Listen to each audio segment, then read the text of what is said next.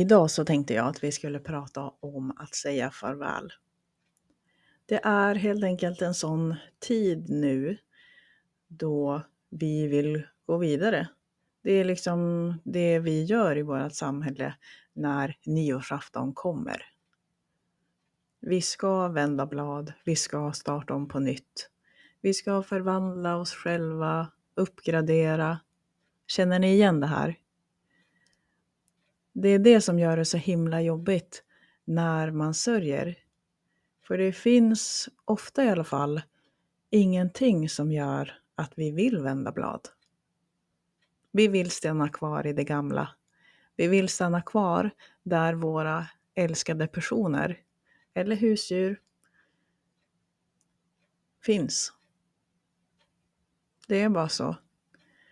Det är jobbigt att starta ett nytt kapitel när man inte har sin person kvar där. Så därför ska vi prata om att säga farväl.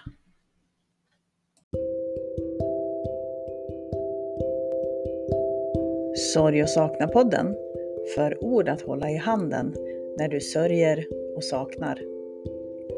Men också för dig som står bredvid, som kämpar för att hjälpa till. På riktigt.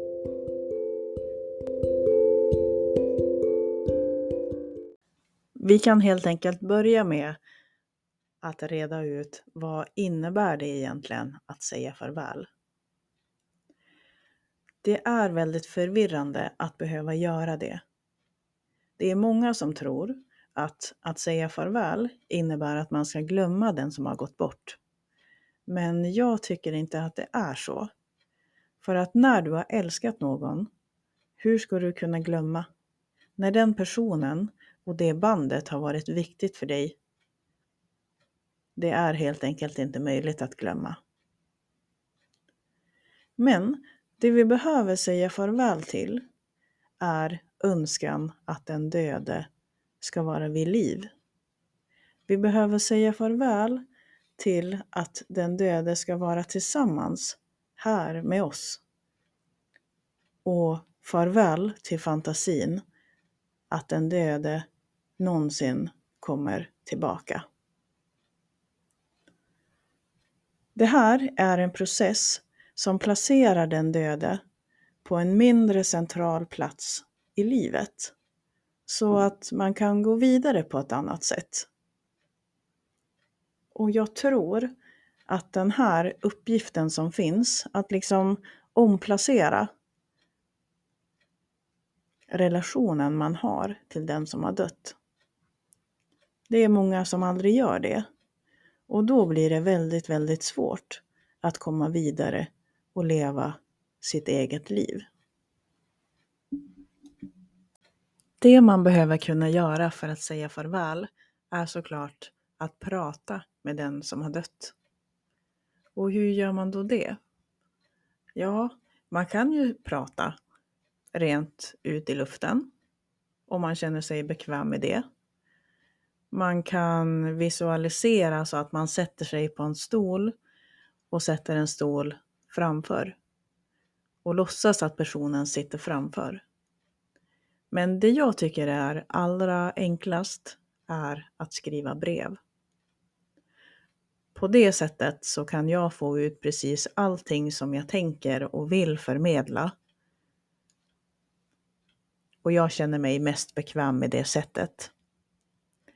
Det man kan göra sen, om man tycker att det här är en jobbig process, vilket jag förstår att de allra flesta gör. Och jag säger process för att det kan ta tid. Det kan ta tid, till exempel om dödssättet var väldigt plötsligt. Jag tänkte läsa upp ett brev som jag skrev till min son ganska tidigt efter hans död. Och det vill jag göra helt enkelt för att visa hur det kan låta.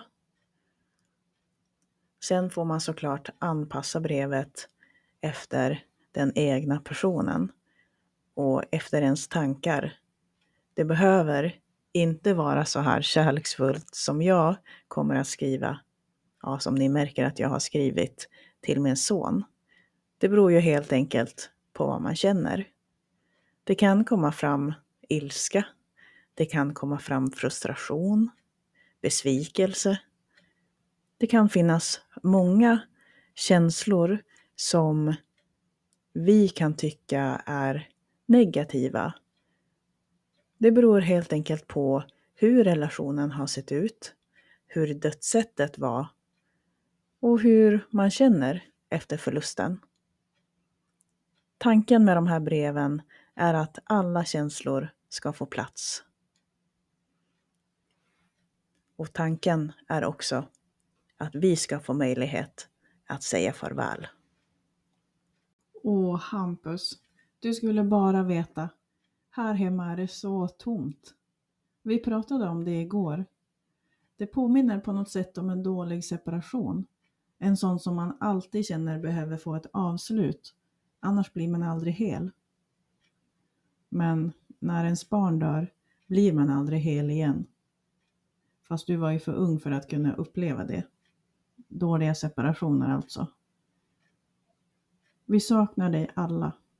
Det känns som att det liksom sitter i väggarna, som att huset också saknar. Och det finns någon slags eh, dunkel, en dimma. Nu på morgonen har jag tittat ut genom fönstret minst tio gånger för att du kanske kommer och vinkar på väg till skolan, så där som du brukade göra. Jag är beredd. Och varje gång någon går förbi och hjärnan tänker att det är du, skär det i hjärtat, för jag blir varse om verkligheten. Det är små grejer jag saknar. Att ställa alarmet 06.50, att gå in till ditt rum, se dig spela eller göra läxa. Invänta måndagarna när du kom från din pappa känna glädjen och pirret och spänningen just inför de där måndagarna när du skulle komma. Sådana saker. Låter det konstigt om jag nu ibland kan känna samma inför min egen död? För att kanske få träffa dig? Jag älskar dig. Vi älskar dig. Som ni märker så skrev jag om precis allt och ingenting. För att jag behövde det. Det kom precis från hjärtat och det var på något sätt ett sätt för mig att fortsätta vår relation. Den som plötsligt avbröts. Men sen, efter väldigt många gånger, och jag tänker att det kan vara väldigt olika hur många gånger man behöver skriva brev. Och det kan också vara väldigt olika ifall man klarar den här processen själv eller behöver söka professionell hjälp. Men när jag var redo så kunde jag sen säga mitt slutgiltiga farväl. Inte till honom, inte till min kärlek till honom, utan det där slutgiltiga farvälet. Om att, ja men det där farvälet som gör att jag kunde fortsätta leva mitt liv. Så, idag blir mitt tips till dig, skriv brev. Fatta papper och penna eller skriv på en dator. Eller ta den där stolen som jag berättade om förut och bara skriv ner allt du känner.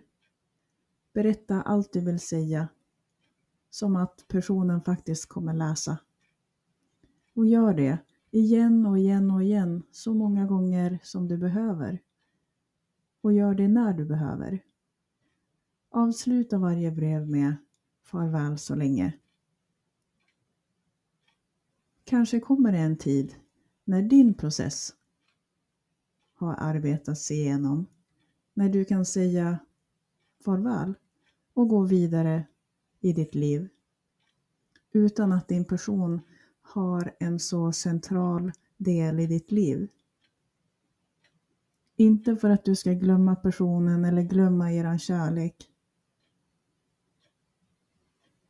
utan för att din kärlek till dig själv ska göra att du kan leva ditt liv. Tills ni ses igen.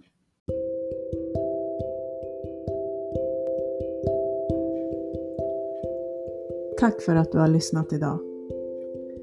Vill du berätta om dina egna erfarenheter? Kanske om att säga farväl, om att skriva brev eller om någonting helt annat? Så kan du göra det här i podden, i ett röstmeddelande eller på Instagram, Sorg och sakna-podden.